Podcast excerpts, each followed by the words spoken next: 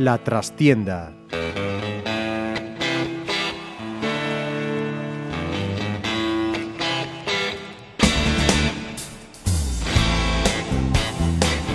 Saludos amigos, os habla Ramiro Espiño en nombre de todo el equipo. Comenzamos una nueva edición de La Trastienda en Pontevedra Viva Radio desde nuestros estudios en la calle Michelena de Pontevedra. Descanso para Teucro y Cisne en este fin de semana que acabamos de finalizar como consecuencia de los compromisos internacionales de la selección. Importante triunfo de la Arsil en Barcelona frente a Juventud Les Corts y dolorosa derrota del Pontevedra en Ponferrada que llegaba en la última jugada del partido, en el descuento del descuento. Si bien, esa es la verdad, pudo hacerlo antes teniendo en cuenta que los granates realizaron una ultradefensiva segunda parte para caer tras ser expulsado Kevin Presa por doble amarilla y cometer un error con pérdida de balón que permitió esa última acción y el gol de Payarés en el tiempo cumplido. Y para los que digan o hablen de mala suerte en el deporte, yo soy de los que pienso que más que mala suerte creo en el trabajo, más que en la suerte, buena o mala. Pero obviamente a lo mejor hay que estudiar el por qué se tiran partidos en los primeros minutos de cada tiempo o se escapan partidos en los minutos de descuento.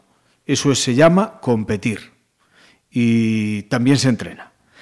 Pero nuestro programa de hoy queremos dedicarlo a un hombre, un pontevedrés que compite y que ha pasado, en poco más de un año de estar a punto de dejar la alta competición, a proclamarse campeón de España de triatlón en la modalidad de larga distancia.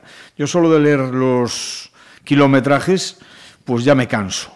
Cuatro kilómetros de natación, 120 de ciclismo y 30 de carrera a pie, en un campeonato disputado hace ocho días en Ibiza. Pablo de Pena, campeón, enhorabuena y bienvenido. Muchas gracias. Oye, ¿cómo se hace eso? Porque es que yo de verdad me canso de leerlo. Pues yo tenía las dudas también antes de empezarlo, ¿no? Así que bueno, nosotros los, los triatletas entrenamos muchas horas, pero cuando afrontas una prueba de esta distancia y sobre todo es la primera vez, pues no sabes cómo va a reaccionar el cuerpo, ¿no? Y al final, eh, gracias, bueno, eh, al fruto del trabajo y como tú dices, ¿no? Y la, y la, recompensa que fue el Campeonato de España, pues la verdad es que fue a la primera, primera la vencida. Eh, nos visitaste hace año largo, año y medio casi, en nuestros estudios anteriores, allí en, en la Plaza de la Ferrería, y cómo han cambiado las cosas en este tiempo, ¿no? Afortunadamente para mejor, porque entonces era casi para decir, bueno, ya a partir de ahora pachanguitas.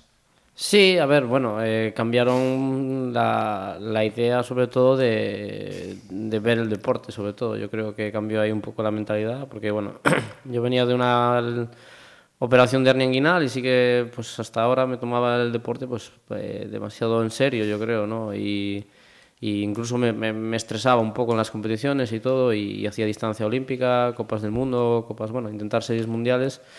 Y, y, ahí fue cuando cambié un poco el chip, decidí pues eso, cambiar esas, esas series mundiales, copas del mundo y copas de Europa que había antes por, por media distancia. Yo creo que el cambio ha sido realmente positivo y, y bueno, tal y como estamos hablando hoy, ¿no? Estoy aquí por, por el Campeonato de España de, de Ibiza de larga distancia y, y, ojalá que pueda estar aquí más veces. Es que quizá empezaron a salir las cosas, empezaron a llegar los resultados y eso te fue animando también. Sí, sobre todo. Yo creo que el cambio, el cambio de distancia fue un cambio el, de chip. El, no, el no tener dolor para un atleta es la leche. Sí, pues sí, porque ya, se, ya te digo, yo creo que desde que la última vez que hablamos, desde ahí no volví a tener ninguna lesión. Y yo creo que ahí, pues eso, tener la continuidad en este deporte, un deporte de, de mucha duración, pues es, es, la clave. Fíjate que yo decía, era el 9 de mayo de 2016, eh, sí, que decía que las lesiones te alejaban de la alta competición, aunque visto lo que acababas de hacer en San Xenxo unos días antes, decía yo, no sé si dudarlo. Y la verdad es que la duda estaba fundada. Sí, ahí está, ¿no? Eh, ahí está la, la clave. Yo creo que el lo que decía, ¿no? Las lesiones es un tema muy, bueno, sobre todo a un deportista, al final, pues lesiones de larga duración, pues impide, pues eso, entrenar, eh, psicológicamente afecta y, sobre todo la, a la hora de, de competir. Y, y, desde ahí, desde ese mayo, abril, no, no, me he vuelto a lesionar y que, bueno, toco madera para, para seguir así. La verdad es que pasar de distancia olímpica a la larga distancia es un salto cualitativo importante, ¿no? En cuanto a desgaste, sobre todo. Sí, estamos pasando de hora 48 o 50, casi dos horas, a, seis horas de prueba. Y eso a nivel energético en el cuerpo pues se nota e incluso a nivel de entrenamientos. No son más horas de entrenamiento y, de, más duración. Llegaste a Ibiza, te pusiste en los puestos de cabeza en los cuatro kilómetros iniciales de natación con Emilio Aguayo y Ángel Salamanca. Luego en los 20 de ciclismo, Gustavo Rodríguez, que era el actual campeón, el del Tudense, el de Tui, que luego quedaría tercero a la postre, pues recuperó. Pero en la carrera a pie fue una auténtica exhibición de Pablo de Pena. Sí, bueno, yo creo que, salí un poco con demasiado ímpetu la carrera a pie, ¿no? Sí que había perdido cinco minutos en la bici con, con Emilio Aguayo, que la verdad es que me hacía dudar mucho de, de bueno de si podría recortar la distancia porque es hay... que le ha sacado al final más de seis minutos una sí, barbaridad. sí la verdad es que sí. Yo a Emilio antes pues eh, siempre lo conozco de, de, distancia olímpica porque también es una persona con mucha calidad y este año pues ha hecho resultados muy buenos en, en bueno en la franquicia Ironman en 70.3 en, en Lanzarote quedó segundo por ejemplo. Y, y tenía mis dudas no porque la exhibición que estaba dando en bici pues era una auténtica locura para, para los que nosotros estamos bueno habituados y y sí que yo creo que pagó ese desgaste de la bici y al final pues puede, pude hacer lo, lo, mi mejor carrera, pero bueno, aún así empecé con, ya te digo, empecé con demasiado ímpetu y al final los últimos kilómetros los, apagué, los pagué bastante. Pero bueno, luego lo celebraste bien, porque me han dicho que la noche ibicenca fue larga. Bueno, no tenía mucha energía, no tenía mucha energía para celebrarlo, ¿eh? Pero algo se hizo, ¿no? Incluso por allí, por Formentera y demás. Hombre, después de, de haber tenido un éxito de estos, la verdad es que es un buen sitio para, sí, para relajarse un poco. No, la verdad es que eh, llevo unos años que siempre, bueno, pues eh, la última prueba de la temporada siempre me quedo a, a, disfrutar de ese sitio y la verdad es que pues este año he tocado Ibiza y Formentera, otros años había tocado Hong Kong, otros años había tocado pues eh, Cozumel, entonces bueno, no voy a malos lugares Mal, de vacaciones. Malos sitios, sí. Eh, no, no, no, me puedo quejar. Hombre, la verdad es que Pontevedra es ideal, ¿no? Sobre todo estando con la temperatura que tenemos este año, ¿no? Sí, totalmente ideal y, y sobre todo pues eh, a ver si coincide algún campeonato a, a finales de de temporadas también para pa esto. Y además es que ha sido, como decíamos antes, para ti un 2017 mágico, ¿no? Porque aparte de este Campeonato de España, también has eh, hecho su campeón en distancia olímpica, que no sé si te lo esperabas.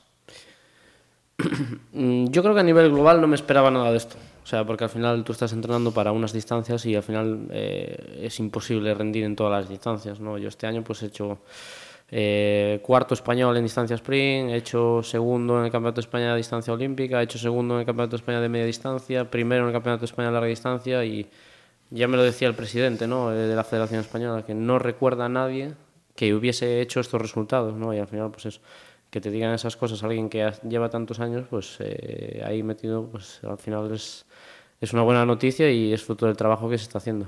La espineta quizá lo que la descalificación en el Mundial de larga distancia, ¿no? Sí, hombre, es la, es, el, es la manchita que hay este año en... Aunque bueno, también hay que decirlo, la culpa no es tuya. Tú sabías lo que había, pero lo que es infumable es que se permita una organización en esas condiciones de un mundial. Sí, no, está claro. A ver, el, yo sabía, o sea, yo sabía que si cruzaba esa línea lo tenía muy claro. Eh, si había una moto o algún juez ahí iba a estar descalificado.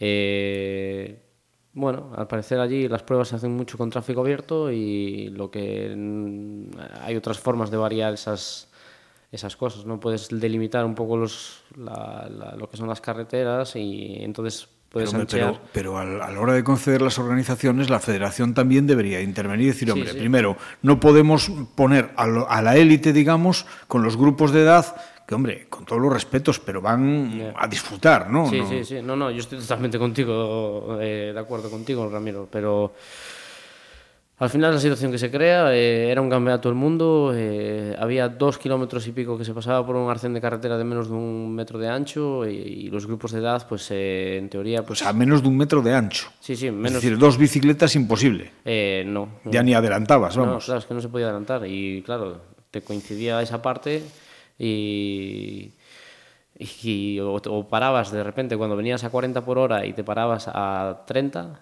No, o... me, no me extraña que cuando se hacen campeonatos aquí en Pontevedra todos los tiraletas estén encantados. pues, pues igual tiene razón por eso, pero eso, eh, la verdad es que lo que pasó ahí, pues eh, O sea, yo no me creo que los que fuesen delante no hubiesen hecho lo mismo que yo. Lo que pasa que Seguro. igual... No les vieron. Tuvieron más suerte. Efectivamente. Yo es lo que creo, ¿no? No hubo un juez, no hubo un árbitro que estuviese ahí, o son listos y, y yo soy el pardillo que no, no miró para atrás y no vio un juez, y entonces, claro, ahí fue lo que pasó. Bueno, el próximo reto, evidentemente, es el Mundial 70.3, en el que tu buen amigo y compañero de fatigas, Javi Gómez Noya, pues ha conseguido su segundo campeonato este año, que por cierto, difícil debe de ser cuando nadie tiene más de dos títulos, creo recordar, en la historia de este, de este Mundial, ¿no? de esta distancia.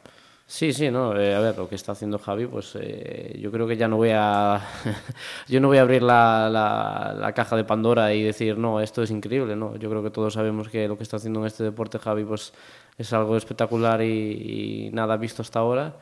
Y, incluso, bueno, pues intenta la, la, distancia Ironman el año que viene, pues yo creo que con Hawái podría cerrar un círculo que lo llamamos el círculo vicioso, no todas las competiciones y todas ganadas.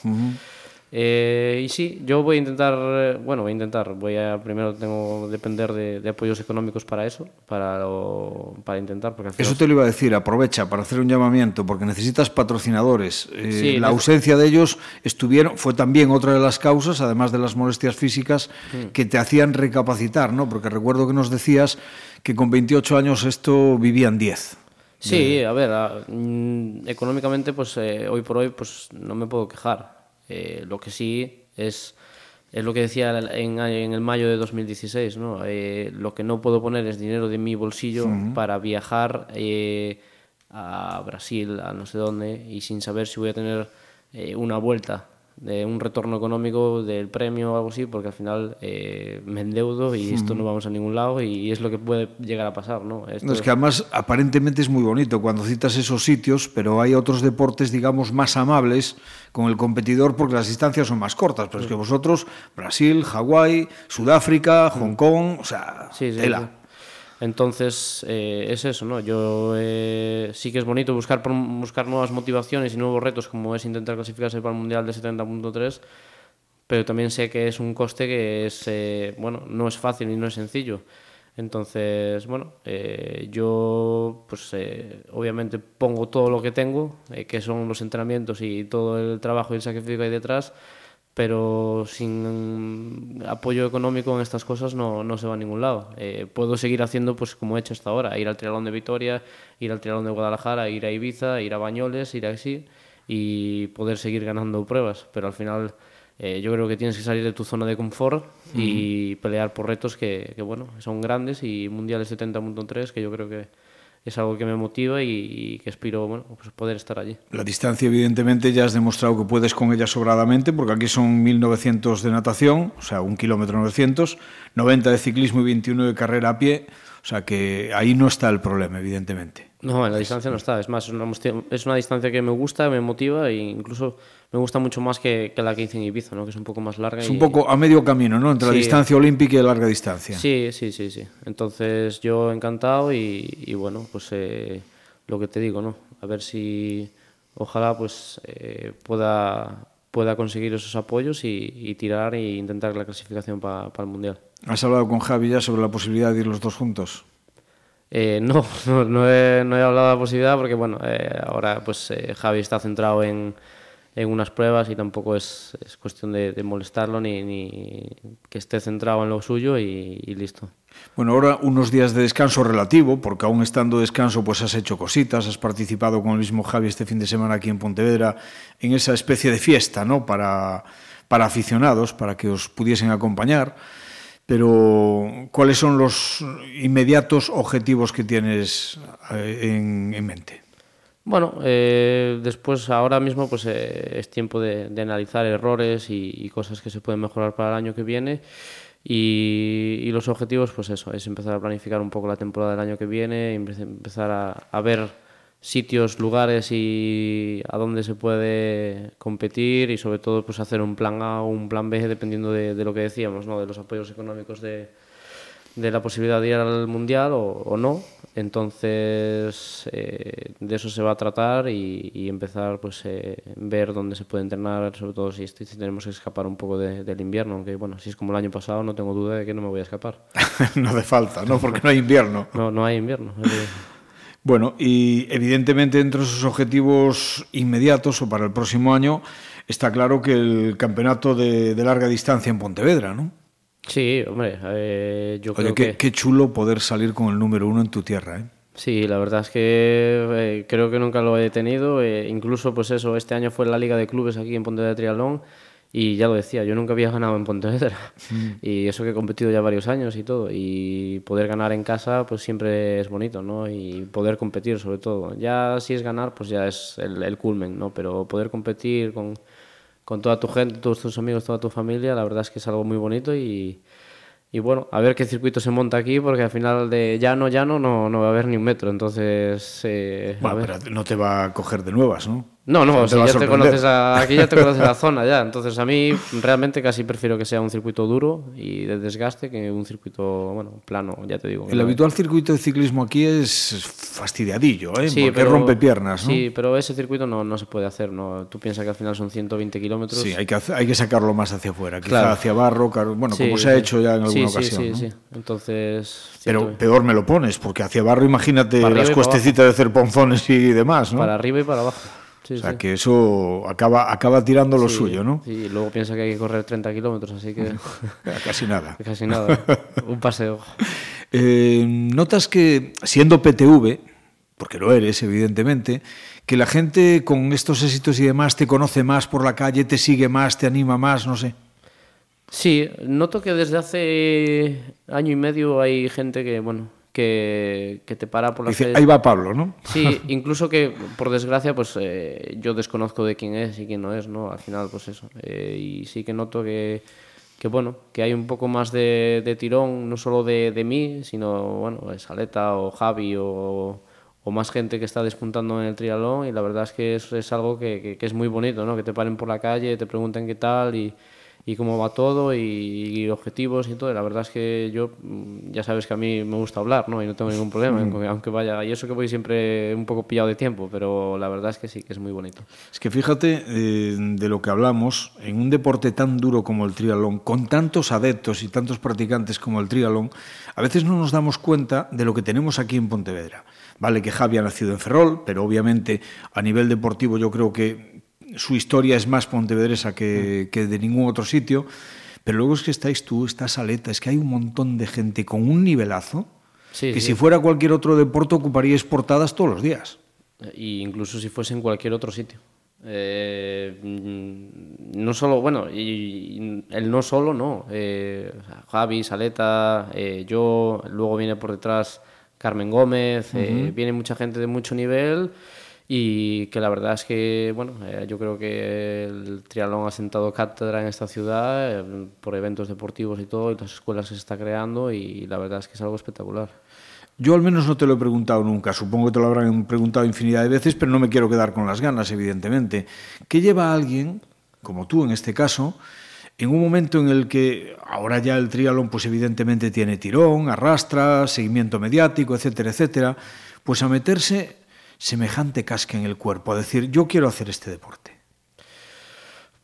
Eh, pues la verdad, mira, yo tengo pasado de nadador, yo creo que mm, nadé hasta los 22 años, ¿no? Y ya mm, llevaba ya unas buenas tundas ya encima de natación y, y sí que me cansó un poco la natación, pero sí que quería seguir entrenando fuerte y duro. Y, y el triatlón, pues sí que veía a Javi muchas veces en la piscina, allí en el centro de tonificación, y me gustaba y tal, pero tampoco quería, no sé, no, no me daba a dar el paso.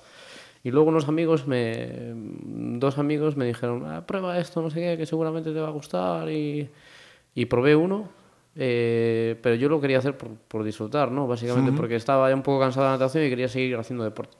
Y nada más. Y quería, probé hacerlo, me gustó, y, pero no con el objetivo de llegar a, a niveles de Javi ni cosas así, que eso al final no llegan pocos pero poco a poco, poco a poco, viviendo que se me estaba dando bien, que había mucho margen de mejora y, y hasta aquí.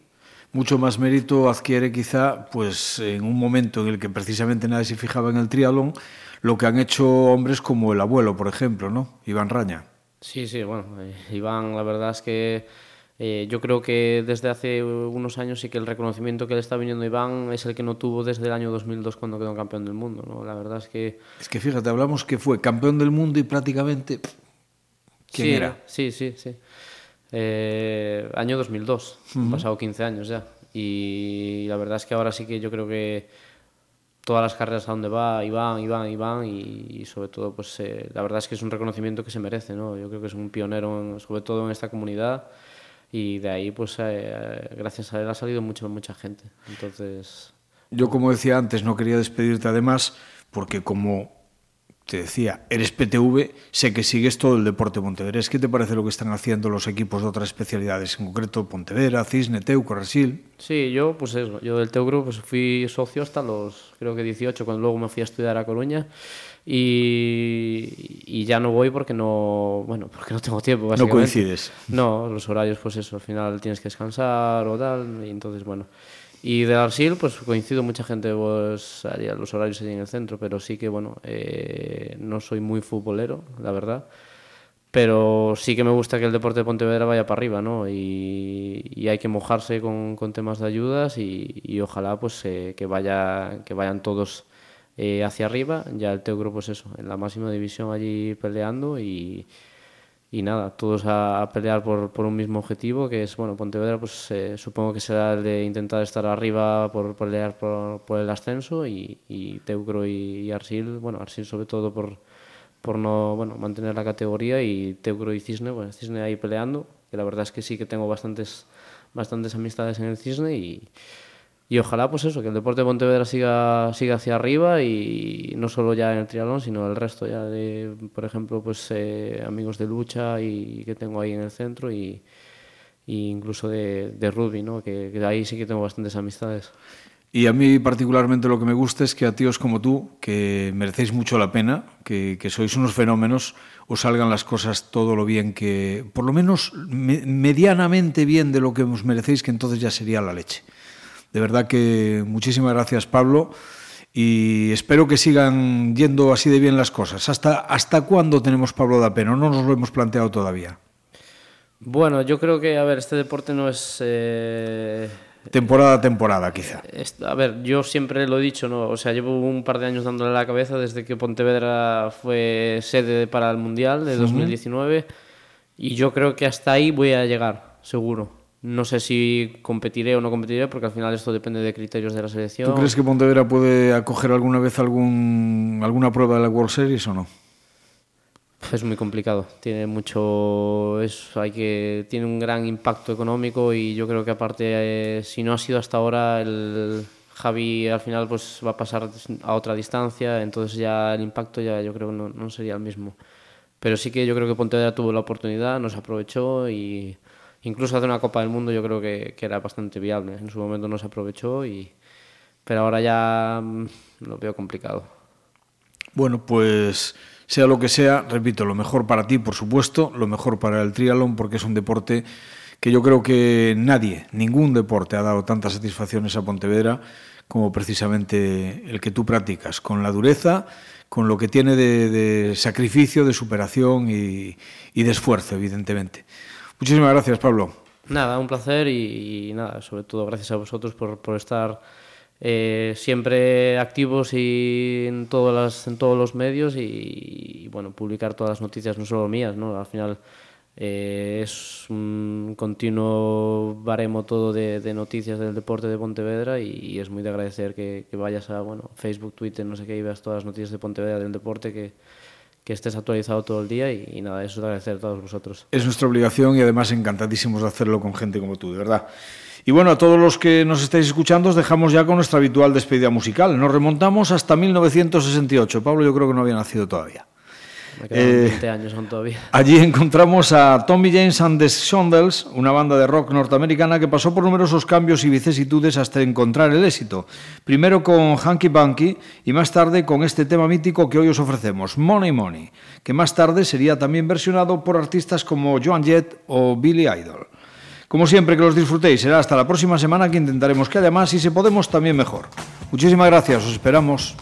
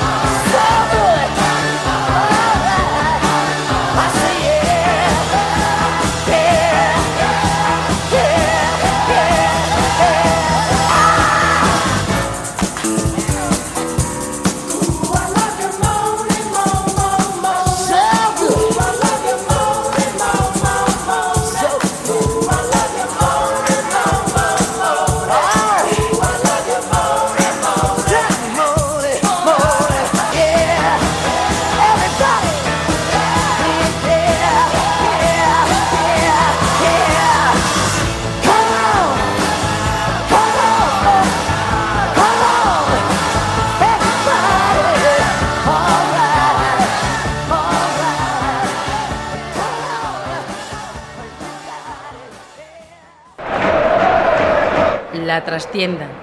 Pontevedra Viva Radio.